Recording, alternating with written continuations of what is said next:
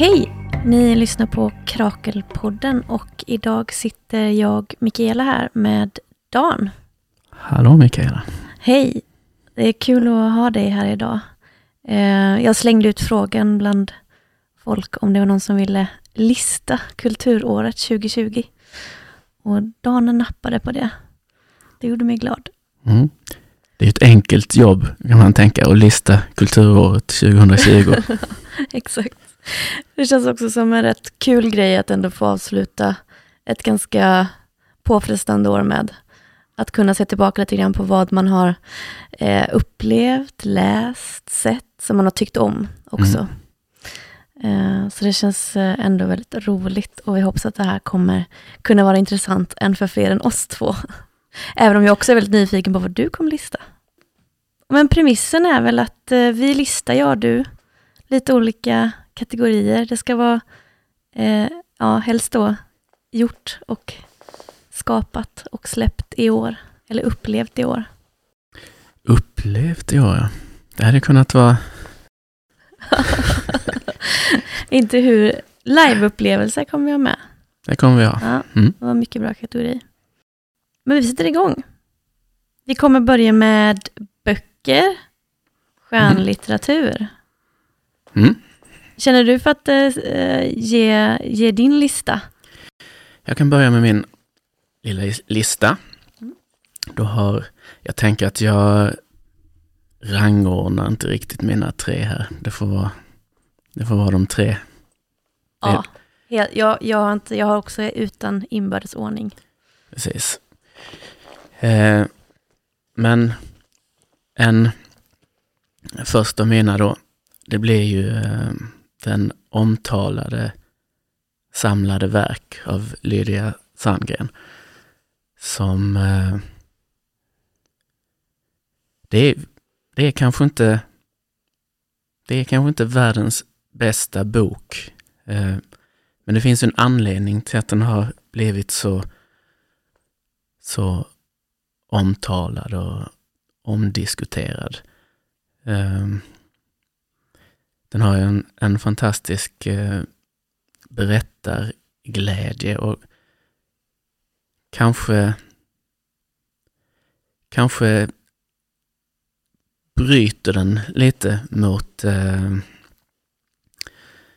mot mycket av det, den litteraturen som är stor eller gångbar idag i sitt eh, just att den här berättar, berättarglädjen, språk, språkglädjen, alltså det, är en, det är en fröjd att läsa boken, tycker jag. Mm. Har du läst den? Nej, jag har inte det. Men visst var det hon som vann Augustpriset? va? Hon vann Augustpriset, ja. ja. ja den, eh, jag, har, jag ser omslaget framför mig, men jag har inte läst den. Den är väl värd att läsa. Mm. Sen har jag eh, eh, Kjell Espmark. Det var en positiv eh, bieffekt av den här eh, uppståndelsen kring Svenska Akademin som har varit att jag upptäckte Kjell Espmark. Eh, som har gjort, eh, ja, som jag tycker är helt fantastisk, har jag, har jag upptäckt. Eh, och han kom ju, kom ju tidigare i år med en eh, bok som är den sista i en, en trilogi med diktsamlingar som är skrivna som eh, eh, epigram eller grav, gravskrifter av historiska han låter historiska personer tala genom dikterna, både, både kända och okända och skildra, skildra historiska händelser genom eh, enskilda människor och röster. Som jag tycker är, är väldigt fint. Och eh, Den knyter ju lite för den som har läst Edgar Lee Masters Spoon River antologi så, så känner man igen anslaget i, och tilltalet i dikterna. Spännande, helt nytt för mig. Um, och de är, de är även inspirerade. Det finns en väldigt eh, gammal eh, eh, samling epigram som heter den grekiska antologin. Som, som är lite i samma stil som han är inspirerad av. Jag tänkte jag skulle läsa mm. en, ett litet exempel. Medan Tillis knäktar drog genom gatorna, strök eld på hus och helgedomar och släpade bort alla kvinnor de fann, låg jag gömd bakom halm och hästskit under en trasig vagn. Far hade lärt mig läsa, men tigit om blodet som rymdes i varje bokstav i ordet Magdeburg. Och mor, som talat så mycket om nåd, fann himlen reglad den dagen. Hur halm och hästskit däremot kunde rädda en vettskrämd flickas liv fick jag ofta berätta för barnbarnen. Ja, och eh, den sista boken här som jag har är Agneta Pleijels dubbelporträtt. Agneta Pleijel är ju en av mina absoluta favoriter sen gammalt och det här är då hennes senaste. Det är ju, hon skriver ju gärna historiska romaner. Och det, är, det är egentligen en genre som jag inte är speciellt förtjust i. Den här mixen mellan eh, fakta, vad är fakta och vad är fiktion? Alltså, men, men just när Agneta Pleijel gör det så älskar jag det. Och den här boken, Dubbelporträtt, boken skildrar mötet mellan eh, konstnären Oskar Kokoschka och eh, författarinnan Agatha Christie. Eh, sent i det, de var båda, båda gamla, det här var 1969, så motvilligt så ställde Oskar Kokoschka upp för att göra ett porträtt av en motvillig Agatha Christie. Ehm, och boken handlar helt enkelt om deras möte under eh, de sex sittningar det tar för Oskar Kokoschka att göra det här, eh, göra det här porträttet. Och han, man kan säga att han är lite grann som en, en typisk kulturman. Han, eh, han är lite mer pratsam och berättar lite mer yvigt om sina eh, sina, sin kärlek och sitt liv. Bland annat tar mycket plats hans relation med Alma Mahler. Um, som ju var, hade varit gift med Gustav Mahler. Och sen, ja, hon, var, hon, var lite, hon var väldigt involverad i eh, i kultur, 1900-talets kulturliv. Hon var, hon var sen, fick sen barn med Walter Gropius, arkitekten, efter det. Um, men hon var en central, central person för eh, Kokoschka. Agatha Christie, hon är lite mer, hon är lite mer reserverad och eh, syrlig och ja, kanske lite mer brittisk i sin stil också. Men det, det blir ett väldigt, väldigt eh, läsvärt möte mellan de två där de diskuterar kärleken, konsten och livet. Tack, tack för dina tips. Jag blev väldigt sugen på den sista du pratade om precis. Mm. Walter Gropius var väl också Bauhaus? Eller? Precis, ja, Bauhaus. Ja. Tack. Um, ja, men jag ska också köra tre skönlitterära böcker. Den första jag tänkte nämna är eh, Jaleila av eh, Donja Saleh. Det är hennes debut. Um, från Göteborg tror jag hon är. Och ja, den handlar om, handlar om vit feminism, eller som hon själv kallar det, glitterfittorna. Eh, det handlar mycket om eh, kapitalismens liksom, eh, villkor och vardagsliv. Eh, Varifieringen av relationer och kroppar och människor. Och också förfrämligandet som sker i kapitalismen. Eh, jätte, jättefin läsning och väldigt bra gestaltning. Så den kan jag verkligen rekommendera. Ja, Leila hette den. Den andra boken eh, jag tänkte tipsa om är Patrik Lundbergs bok Fjärilsvägen. Och han skriver ju om klassamhället och om Sölvesborg och om sin mamma. Och om olika politiska förändringar och ja, de få chanserna till frigörelse, frigörelse som eh, finns för arbetarklasskvinnor. Och det är många som har hört om den, den har blivit väldigt uppmärksammad i år. Och jag skickade också ett ex till min mamma i födelsedagspresent. Uh, men ja, det är ja, en, bra, en bra bok jag tycker man kan läsa om man vill få förståelse också för hur olika uh, generationers liksom rent materiella villkor formar deras chans till uh, liv och möjligheter. Och så. Jättefin. Sen min tredje bok, eh, här tänkte jag fuska lite. Mm. jag inleder starkt med att fuska. Ja, det får man. Ja, du vet ju redan, jag har lite, lite anarkistiska drag. Nej, jag vill jättegärna ha med den här. Den är från slutet av 2019. Eh, det är Sara Villius bok Madonna. Eh, och den handlar om moderskap, kärnfamilj, eh, men också mycket om lust, eh, erotik och så. Eh, och jag har skrivit här att den handlar om att vilja sprängas, men istället stängas in.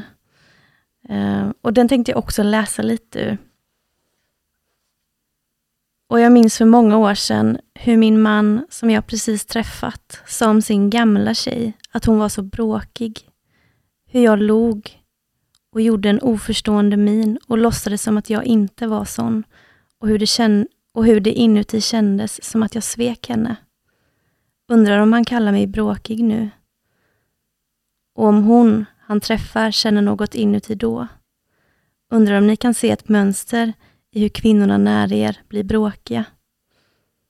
Ja, så det handlar ju om den här kvinnan då och hennes liksom, eh, ska man säga, tomhet hon upplever i nuet och en längtan till någonting annat framtida. Uh, ja, kort men gott. Tre, tre skönlitterära tips. Härligt, spännande. Ja. Jag läser ju verkligen inte heller sådär supermycket skönlitteratur, så det kanske är en av anledningarna till att jag var tvungen att fuska lite. Uh, jag slukar mycket facklitteratur, men uh, skönlitteratur är, ja, kanske kommer. Det var ju så, som jag konstaterade när jag skulle sätta ihop det här att 2019 var ett mycket bättre, ett mycket bättre litteraturår även än vad 2020 har varit. I alla fall är det min uppfattning. Ja. Jag hittade i och för sig eh, hon eh, Louise Glick i år, tack vare Just det. det. Ja, och då, det uppskattade jag väldigt mycket. Eh, jag läste Vild Iris. Mm, jag har inte läst något. Det var faktiskt Äntligen så var det ett namn som jag faktiskt inte kände till, ja. som fick Nobelpriset. Så i år kunde jag också säga, vem är det? Ja. ja, jag brukar faktiskt inte bry mig så mycket om det där, men eh, ja, jag fastnade. Det var någon beskrivning av henne. Jo, det var nog i Babel tror jag. Någon som pratade om Glick och då var jag tvungen att kolla upp det. Och så ja, fastnade jag ganska hårt. Mm. Perfekt, vi går vidare. Nu ska vi prata om lite film. Ska jag köra kanske då? Kör du den här mm. gången. Eh, ja, film. Eh, här har jag också tre stycken och jag märkte att de var oerhört eh, amerikanskt centrerade. Det blir lite så när man eh, sitter på de här strömtjänsterna och bara tittar på det som eh, kommer till en. Så det är liksom ren lathet i år. Jag ska nämna tre eh, icke-amerikanska som jag verkligen ser fram emot att se. Beanpole, The Painted Bird och Swallow. Så de har jag verkligen satt upp på min lilla kom ihåg nu att försöka se i januari. Ja, Men, jag är supernyfiken på Painted Bird. Ja. Jag vet knappt om jag vågar se den. Jag, det är ju kanske den, har du läst boken? Nej. Det är ju en av de eh, hemskaste böcker som jag någonsin har läst. Den är riktigt obehaglig. Och fantastiskt bra. Ja. Ja, jag ska ändå se den. Men som du säger, det kanske också är så att ja, det här året har ju varit, som jag sa innan, påfrestande på många sätt. Eh, och jag märker också det lite i vad jag har tittat på och orkat liksom ta in och så. Mm. Eh, den första filmen är Shirley, en, eh, en drama av eh, Josephine Decker och Sarah Gubbins, som eh, har Elizabeth Moss i huvudrollen. Och den handlar då om författaren Shirley Jacksons liv. Och under den tiden hon skrev en av sina många kriminalböcker. Och det är en jättefantastisk film om ja, moderskap, vänskap, sexualitet. Men också lite så glidningen mellan eh, men både sexualitet fast också erotik, vänskap mot manipulation. typ. Eh, och det är ganska mycket symbolism i den filmen. Eh, den gillade jag jättemycket. En annan film som jag verkligen uppskattade i år eh, var I'm thinking of ending things. Som var någon slags eh, thrillerskräck av Charlie Kaufman. Som ju är en långtida favorit för mig. Eh, han är ju otrolig på dialog och inre monologer och manus. Och den hade också en väldigt eh, drömsk och skräcklik regi. Och bra skådisar som han brukar ha i sina filmer. Så det var den andra. Den tredje, eh, den drabbade mig väldigt hårt. Den heter Lost Girls. En film av Liz Garbus. Och det handlar, alltså i grund och botten handlar det om samhällets syn på kvinnan och eh, om liksom ja, dualiteten i kvinnligheten, typ Madonna Hora-komplex och så. Ehm, där ja, de här prostituerade kvinnorna hela tiden då förlorar sin subjektivitet, sin mänsklighet, sitt värde. Och så handlar det såklart om klass. Eh, och den här historien då i Lost Girls kretsar kring mord på olika kvinnor. Eh, alltså faktiska mord på prostituerade kvinnor. Eh, och jag var helt knäckt efteråt. Eh, för den, den sa så himla eh, Eh, mycket om, eh, om samhället vi lever i och institutionerna som finns i vårt samhälle. Om polismakten och också i förlängningen som har rätt till liv och vems liv som inte spelar någon roll. Så det handlar om en mammas kamp, Mari heter hon. Att få svar på vad som hände hennes eh, dotter Shannon då, som blev mördad. Och eh, ja, han eh, som gör det här kallas då för Long Island Serial Killer. Har även kallats Craigslist, Craigslist Ripper. Eh, för de annonserade på Craigslist. Och möttes upp då. Och han mördade upp till 16 personer. Mellan 96 och 2010 och är fortfarande inte identifierad. Och det var väldigt tydligt i den här filmen då hur eh, polismakten, men också i förlängningen samhället, verkligen inte brydde sig just för att det var prostituerade kvinnor i majoriteten av fallen. Um, och tvärtom då under filmens gång så eh, skyddar de hela tiden de som har resurser, kapital, makt. Och jag såg även ehm,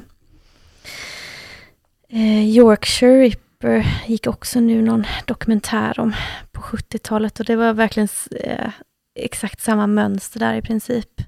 Det var ingen som brydde sig när det var de här prostituerade kvinnorna och sen när det var ett mord på en annan kvinna som inte var prostituerad vad man trodde då, utan hon var mamma. Då eh, gick de in med mycket resurser och tid och sådär. Och då började också media skriva om det på ett annat sätt. Eh, de skrev till exempel att nu har, den första, nu har det första oskyldiga offret vilket är så absurt liksom. Ja.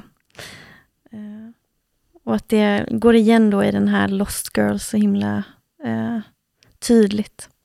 Och i en av scenerna då i den här Lost Girls så pratar flera mödrar med varandra. Och på nyheterna så sänds då rapporteringen kring dessa mord. Och en av mammorna säger typ, kolla nu uppmärksam, uppmärksammar de i alla fall detta.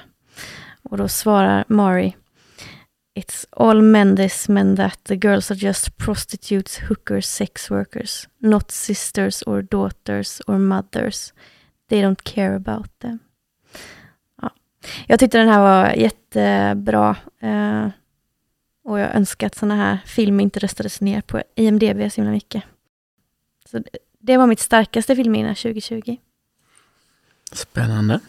Jag tillhör ju de som inte, eller väldigt sällan tittar på film hemma. Jag, jag är ju en bio, bioperson fortfarande och det har ju, det har ju varit, eh, det har varit svårt det här året.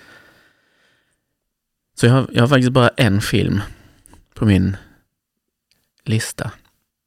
Jag, jag ska säga, jag försökte faktiskt nu inför den här, inför den här podden, jag försökte, ah, jag ska titta på någonting mer. Mm. Så, så vi satt hemma häromdagen och kollade på eh, den här filmen Hillbilly Elegy, som jag var väldigt nyfiken på, som handlar om en, eh, en advokat, eller blivande, blivande advokat på Yale som åker tillbaks till eh, hans, eh, hans eh, mamma som missbrukar. Hon, eh, hon, hon en överdos och kan åka tillbaks till sina, ja, sina rötter i, ja, eh, bland Kentuckys eh, prekariat. Mm. Eh, jag, var- jag var väldigt nyfiken på den, men jag kan konstatera att den levde inte, den levde inte, så det här är inget tips. okej. Den levde inte upp till förväntningarna, men det var, det var den andra filmen som, Ah, okej. som jag sett i år. Men, den här film, men tipset, det är filmen eh, Cunningham, som är en eh, dansfilm eller en dokumentär om eh, dansaren och koreografen Merce Cunningham. Som var, han var John Cage livskamrat och han var en del av avantgardet i, i New York under ganska många år. Och det är en väldigt, eh, väldigt fin film. Den, är, den, innehåller, den innehåller en hel del dokumentärt material men framförallt så, så återskapar den eh, många av hans koreografier på ett eh, otroligt eh, fint och eh, estetiskt tilltalande sätt. Så att eh, om man behöver, eller det är, jag är ingen liksom så här stor, stor, stort fan av modern dans och det tror jag inte man behöver, det tror jag inte man behöver vara. Det är en väldigt, väldigt intressant och vacker film. Mm, tack, jag har inte sett. Och du brukar ju gå på bio. Hade du hört talas om hypnos innan och varit där kanske till och med? Vi har ju båda fått kontakt med dem i år. Mm. Hypnos eh, Theater. Jag, har- jag har varit på Mm. hypnos. Eh, inte, inte så mycket som jag, som jag hade velat för Nej. att, för att det har passat lite dåligt med mina, mina de dagar jag har barn och så här. Men eh, Ja, hoppas på Ja. mer kommande år. Det är verkligen. jättefint där inne i alla fall. Nice. Ehm, men vi går vidare till eh, liveupplevelser i år. Det har ändå funnits några förhoppningsvis. Mhm.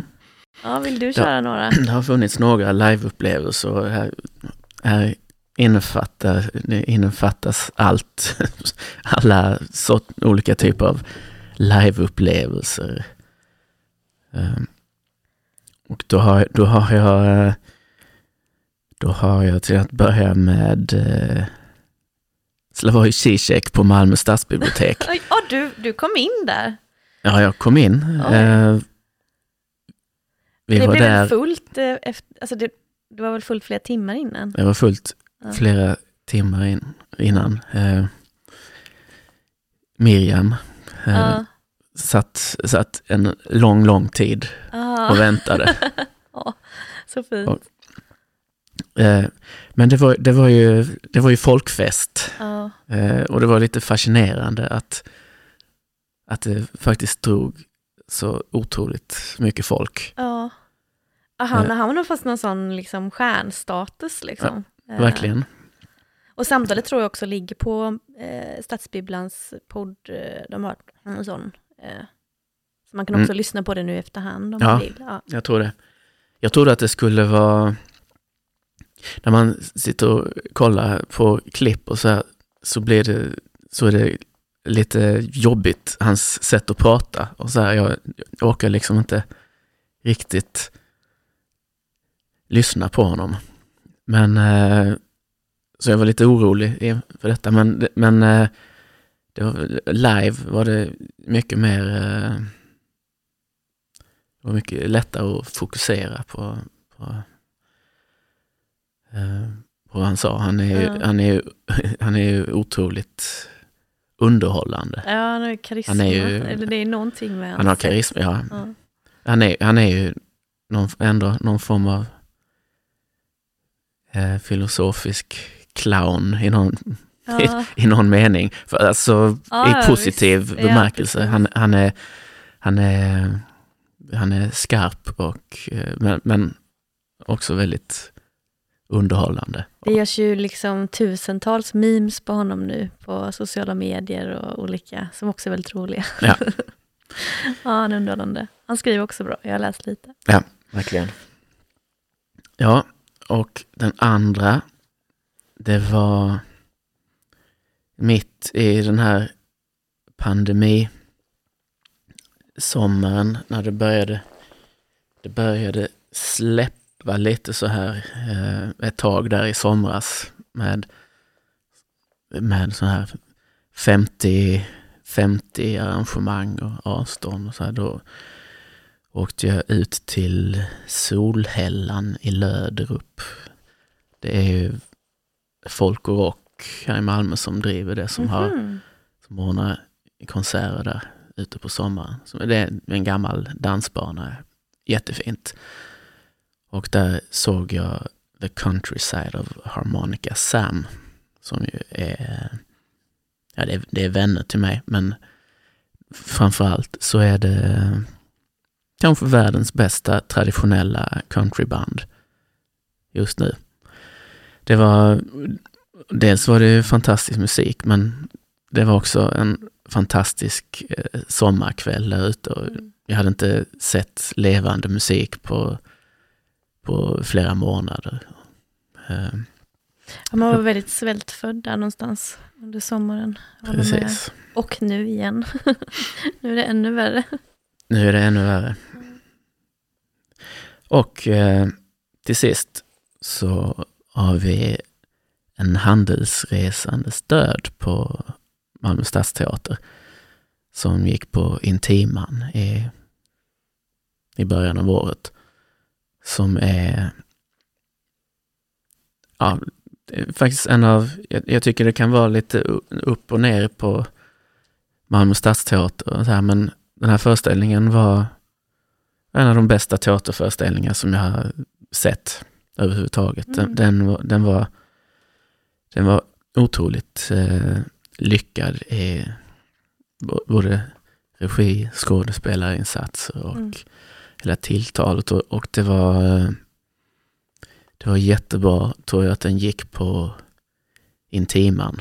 För det, den hade nog hade kanske förlorat någonting. Är, det, är en, det är en ganska intim eller nära, Mm. Det är lite Nej. mindre där.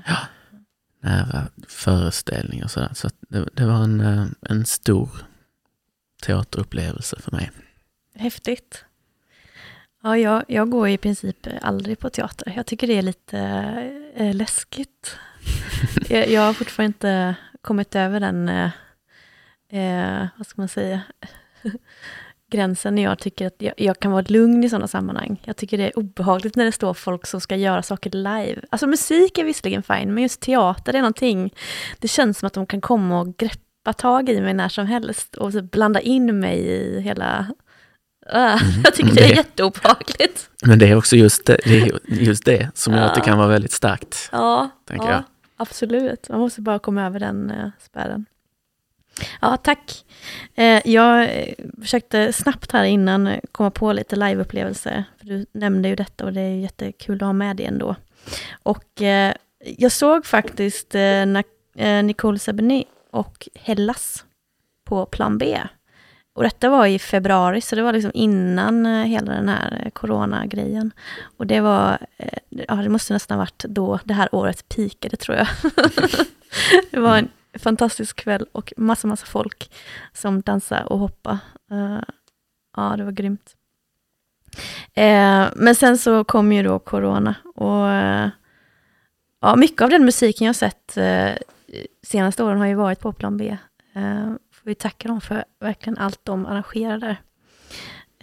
och då såg jag också några sittkonserter under sommaren och våren. Bland annat såg jag Borgerlig begravning nu under hösten. Det var kul.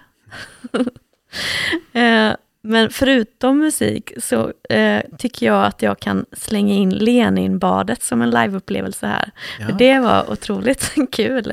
Eh, det var jag och min kille som var där i, i höstas. Det ligger ju i Varberg. Det är någon som har inrett då, eller liksom byggt upp så som eh, Lenins eh, bad eh, skulle ha varit. Så det är jätte, och där kan man bo på ja, hotell då med all den här alla Lenin-prylar och böcker överallt. Och, ja, jätte, jättefin eh, fint ställe, kul att vara på. Så det kan jag verkligen eh, rekommendera att kolla upp. Hade du också några liveupplevelser som var eh, inställda? ja, jag, jag listade tre inställda liveupplevelser ja. också. Och, Min, mina har jag förträngt, ska jag säga. Ja, jag inte på en än.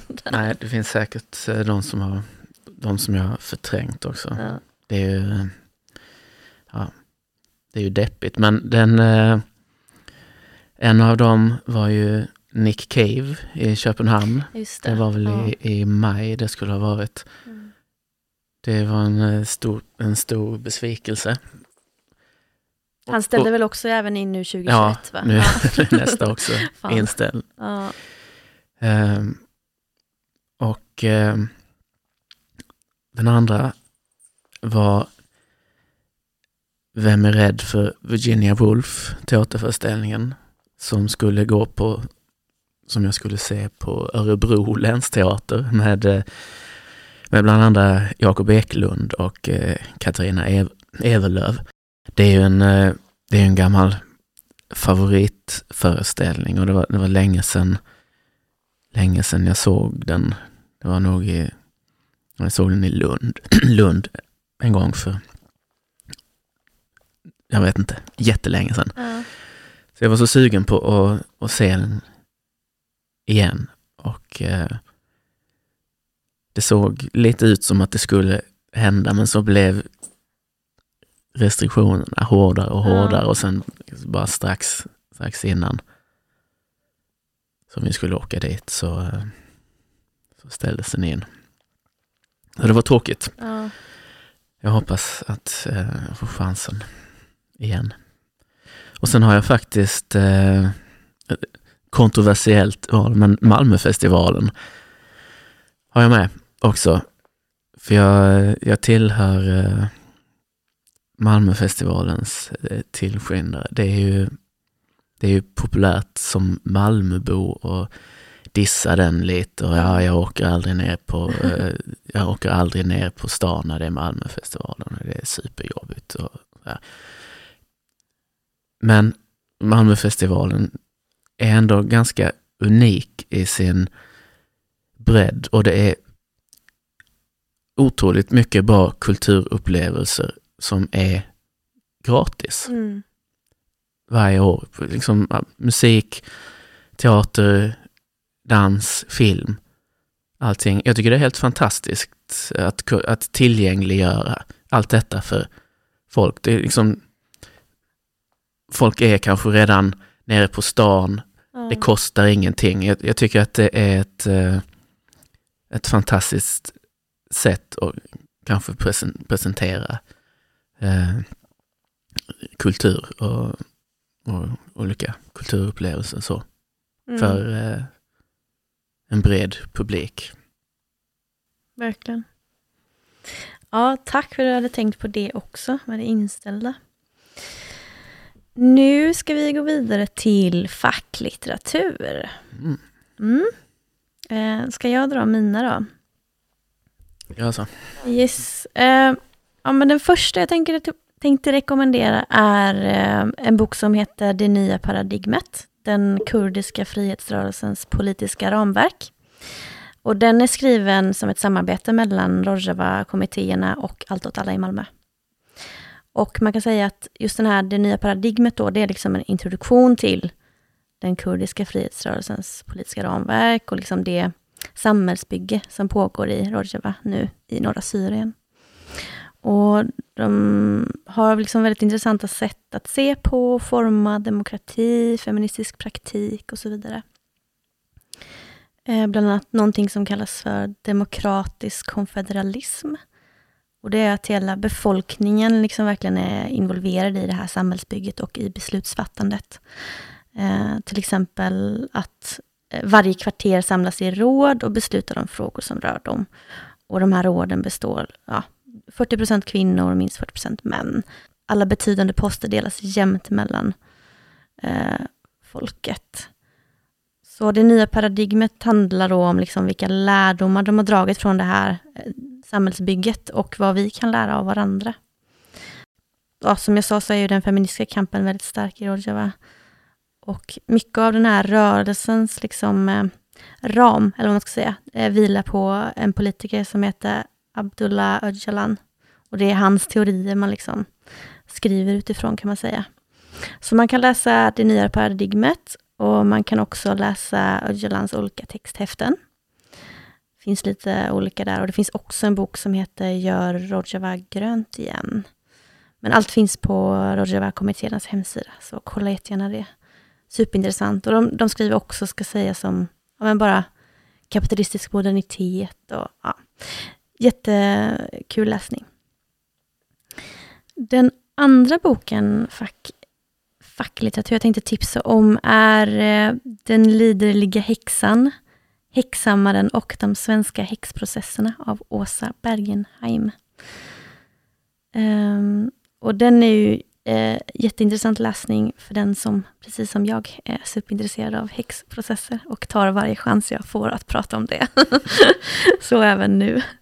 Eh, nej, men Åsa skriver ju om hur det kommer sig att ofta kvinnor då, eh, kopplar samman med natur, kropp, död, sex, djävulen. Och varför det också ofta är då äldre ensamma kvinnor som mördades. Och ofta kvinnor som har kunskaper om naturläkemedel och så. Och den här boken eh, är ju på ett sätt väldigt unik eftersom den har det här svenska perspektivet. Jag tycker inte det finns jättemycket svenska böcker kring detta som är sådär superbra. Eh, utan det behövs verkligen. Och jag har grävt lite i de olika eh, svenska häxprocesserna själv. Eh, och också blivit eh, intresserad nu på nytt igen, för jag har hittat väldigt mycket kring där jag växte upp, på ön Tjörn. Och i Bohuslän var ju väldigt eh, mycket eh, häxbränningar. Det var, alltså, Åsa skriver inte om detta, för Bohuslän på den tiden var danskt, utan hon skriver om eh, Norrland, Dalarna och så. Men eh, jag har läst mycket om Bohuslän och Tjörn, eh, och under då 1600-talet. Och det var när Bohuslän precis hade blivit svenskt, 1658. Eh, en, eh, en turbulent tid ekonomiskt, det var många olika konflikter och man reglerade också handeln på olika sätt.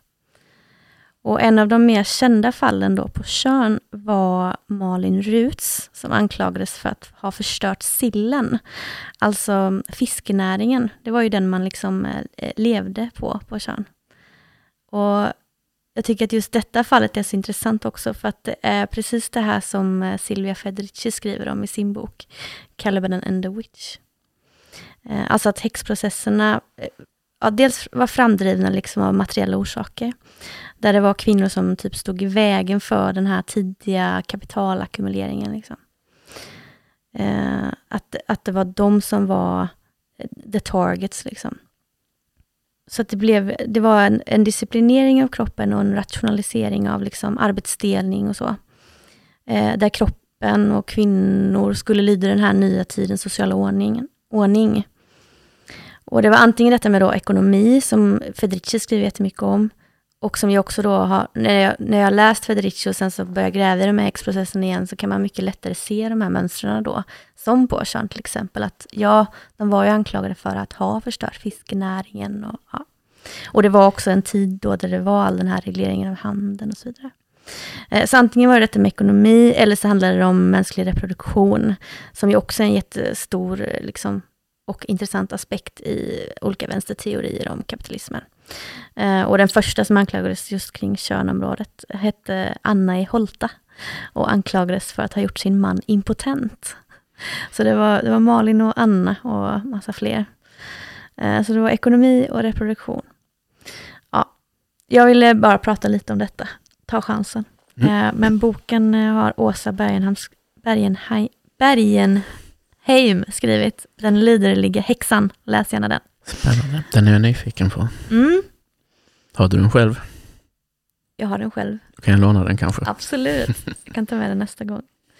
Eh, den tredje boken, nu kommer hon, det är alltså Silvia Federici då, en annan bok av henne som heter Beyond the Periphery of the Skin, Rethinking, Remaking and Reclaiming the Body in Contemporary Capitalism. Jag läser ju allt Federici släpper och skriver och denna var intressant, precis som allt annat. Jag håller inte alltid med henne, men eh, hon har så otroligt unik blick och erfarenhet. Och ja, jag tycker hon är fantastisk på sitt område. Eh, och just den här boken då handlar om kropp, kön, reproduktion, sexualitet och makt i kapitalismen. Det var mina tre tips. Mm. Mina tre tips på facklitteratur Um, den första ska jag ha, ha en liten uh, en liten uh, disclaimer här. Säger, den, den är skriven av min bror då, men jag kände ah. att jag var att ah, jag var just det, tvungen. Den har jag kollat in lite grann tror jag. Den var jag tvungen att ha med. Den heter Deviant Opera, Sex, Power and Perversion on Stage av mm. Axel Englund. Och eh, den handlar om, kan man säga, eh, BDSM och BDSM-estetik inom eh, operan. Som är, har varit ganska, det har varit ett ganska påtagligt drag. Eh, är, ja, dels är mycket i moderna, tydligt i moderna föreställningar, men också, också lite längre, längre tillbaka. Så att den, den, den handlar, den exemplifierar och den, hand, den handlar om, eh, om eh, vad, det är som, vad det är som gör att, eh, ehm, att man gärna tar till de här och liksom eh, connection mellan eh, mm. opera och eh, BDSM då maktförskjutning och olika sådär. Den är väldigt, eh, jag tycker att den är väldigt intressant och jag tror kanske att vi kommer att eh, ta upp den kanske ja. i ett, eh, ett kommande poddavsnitt. Ja, jag är jättesugen på att bjuda in Axel och prata lite mer om denna. Men handlar den om, är det alltså specifikt kring typ Malmö opera eller är det bara operauttrycket överlag? Liksom? Ja, ja, det, det är ju, det är ju exempel, alltså internationella ah, okay. föreställningar och, mm. och uh, den är inte den är inte på inte något lokal. sätt, nej, den är väl, den är, Det vore också kul om det var det nämligen. Ja. Men... Nej, den är väldigt global. Ja, ja spännande. Den ska jag läsa. Eh, den andra boken heter Nashville Cats Record Production in Music City av Travis D. Steimling. Här får jag ju nörda in mig riktigt mycket. Den, den handlar om eh, eh, handlar om eh, musikproduktion i Nashville.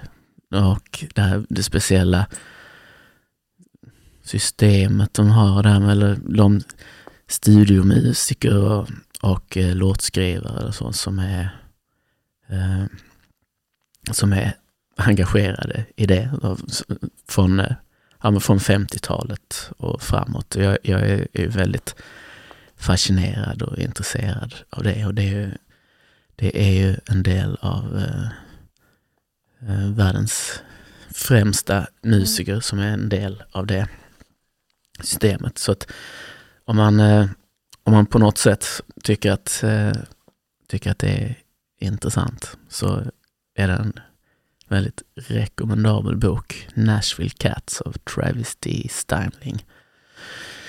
Och tredje boken, det är egentligen en bok som har eh, funnits länge men som har kommit, en bok som har kommit i en eh, uppdaterad utgåva i år som nu då heter från Platon till demokratins kris av Sven-Erik Lidman. Som är en, eh, helt enkelt en genomgång av politiskt tänkande genom historien som är en eh, superbra översikt. Det är jätterolig och intressant att läsa om, den, om man är intresserad. Den har ju kommit, den kom först i början av 70-talet och hette från Platon till Lenin och sen ja. förra utgåvan hette Från Platon till kampen mot terrorismen tror jag. Ja, okay.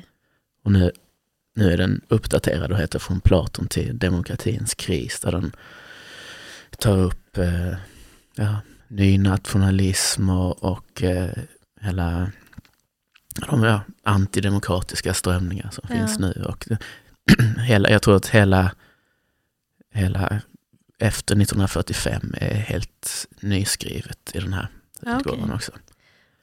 Den, ska, den ska jag läsa. Han har väl också skrivit en ganska gedigen eh, biografi av Karl Marx tror jag. Precis. Ja. Den, den, eh, men den kom inte i år. Nej, precis. jag har, ja, jag har, den är väldigt bra. Jag har, kom, jag har läst en tredjedel av den ja, jag ungefär. Läst. Ja, jag ska. ja, tack. Var det alla tre? Ja, det var det. Det var alla tre. Det var alla tre. Vi går vidare till musik. Vill du dra lite musik? Ja, då drar jag lite musik. Mm, gör det. Eh, ja, jag är ju mycket intresserad av eh, country och bluegrass-musik. Och spelar själv. Och spelar själv. Eh, så jag måste ju ha med någonting därifrån. Och då har jag en skiva med Junior Sisk som heter Load the Wagon.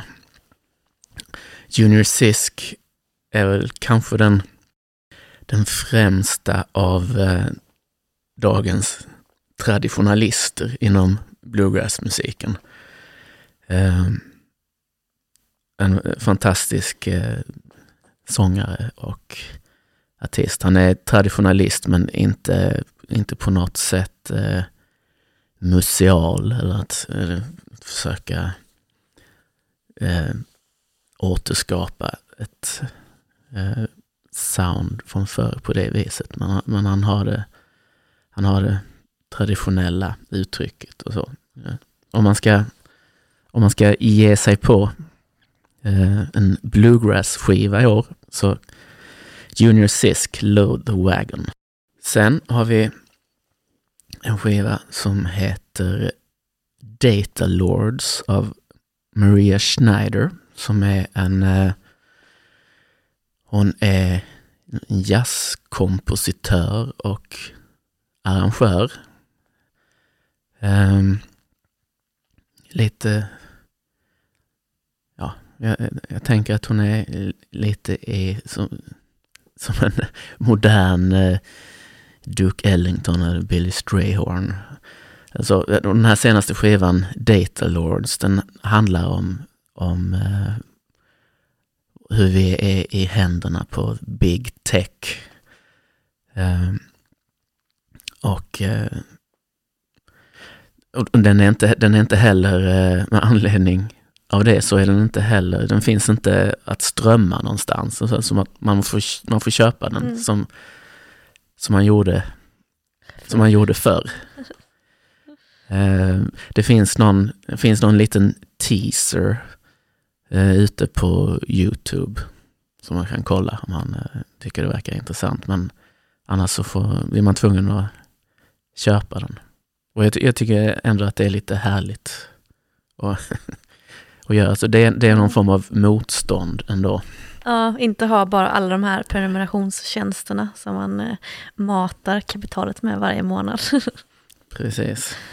ja, Eh, och till sist så har vi den eh, pinfärska skivan Det måste inte vara så här av Gälle. Vår lokala ja, punk slash gubbrock slash country hjälte. En, eh, det är alltid, alltid väldigt bra och det är ännu en, eh, en fantastisk skiva. Jag tror inte att den heller finns att strömma än så länge. Eh, Men jag tror jag läste någonstans att, att den kommer så småningom. Men, okej. men köp den gärna och stötta det lokala musiklivet.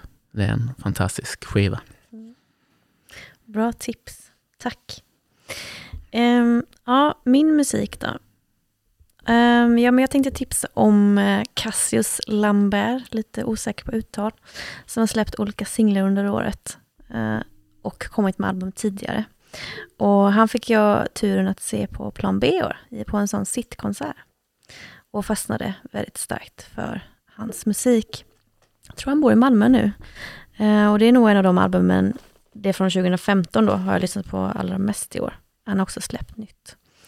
Och där vill jag mest eh, råda om att lyssna på en låt som eh, heter Gåba från 2015. Där han har samplat eh, Angela Davis bland annat. Jättemäktig låt.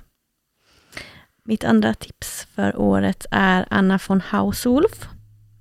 Hon släppte ett album som heter All Thoughts Fly. Och det är instrumentellt, orgel. Och jag saknar hennes röst ganska mycket, för jag älskar verkligen hennes eh, otroligt pampiga eh, sound.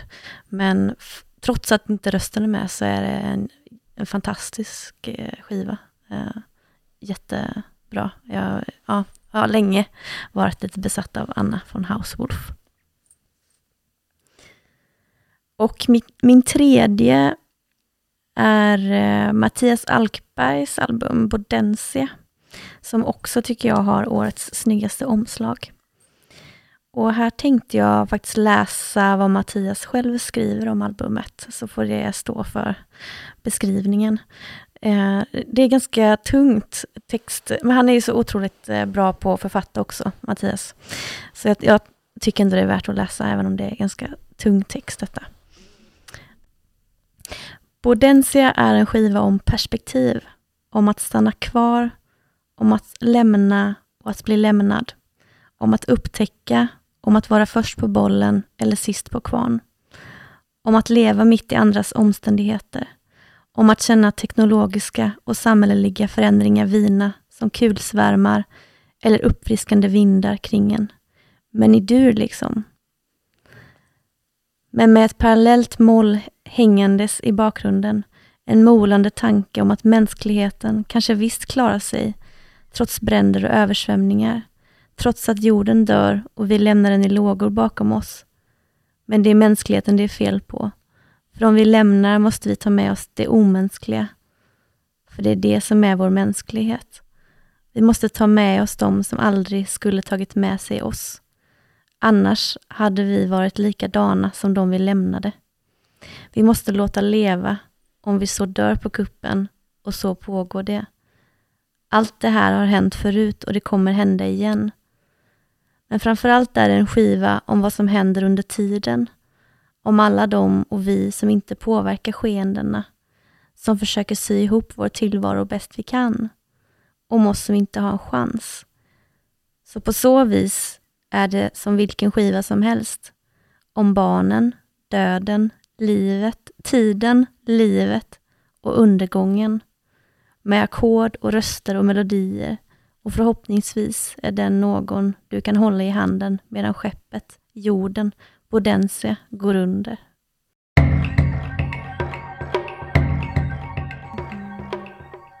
Ja, Mm. all musik.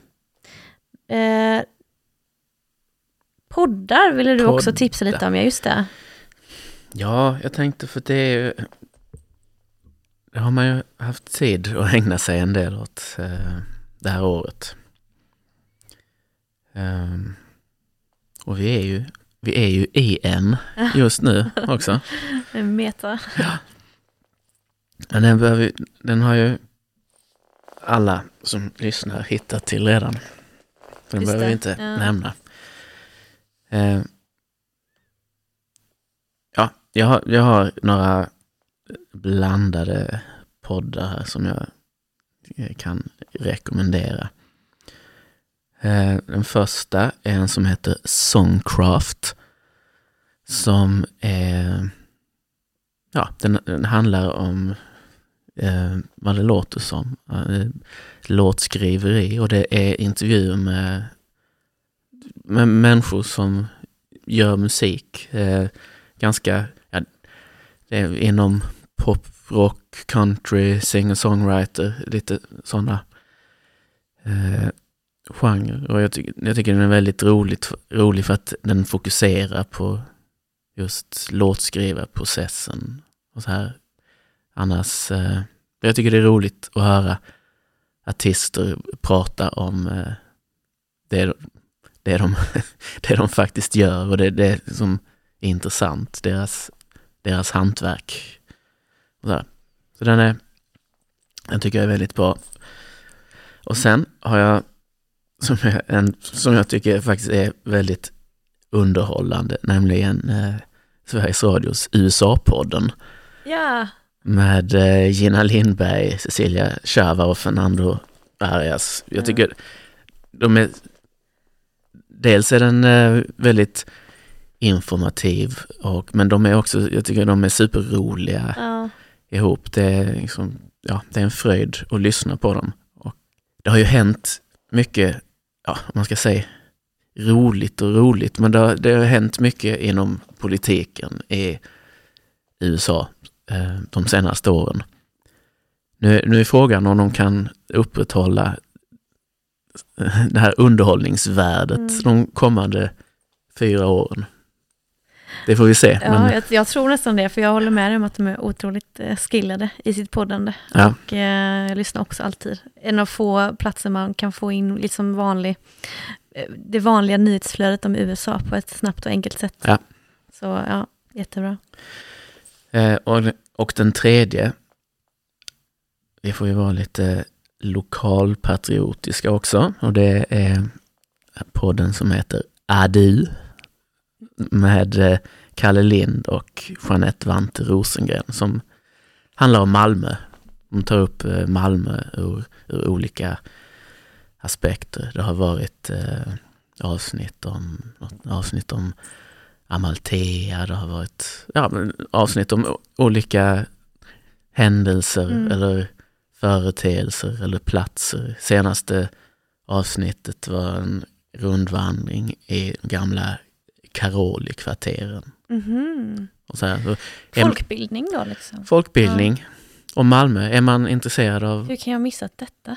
Är man intresserad av Malmö och Malmös historia så är den eh, verkligen att rekommendera. Och både, både Kalle Lind och Vante är väldigt underhållande Ja. Och- att lyssna på. Ja, spännande. Jag gick faktiskt, jag kom på nu, jag gick en sån eh, stadsvandring i augusti. Det var ändå en liveupplevelse i år det. i Kirseberg. Mm. Var det Jeanette Vante som Nej, det höll i var den? inte det. Det var en annan kvinna som hette Charlotte.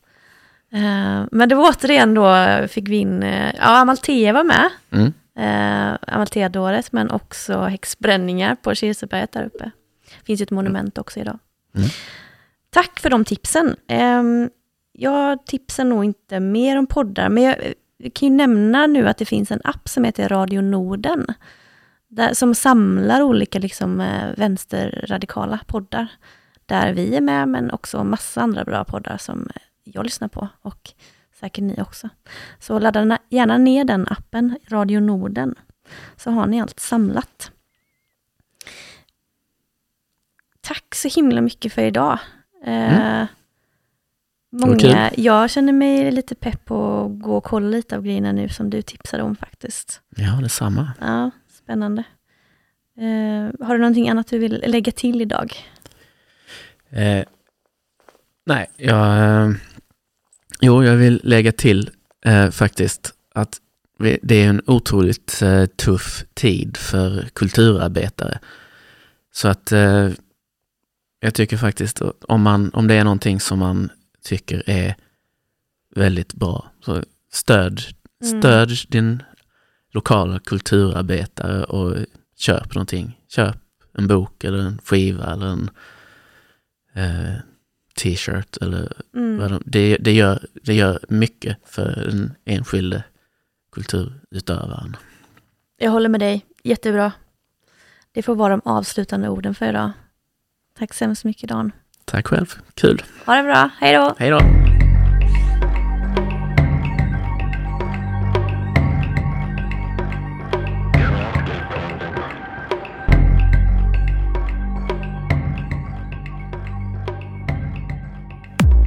Du har lyssnat på en podcast som görs i samarbete med ABF Malmö.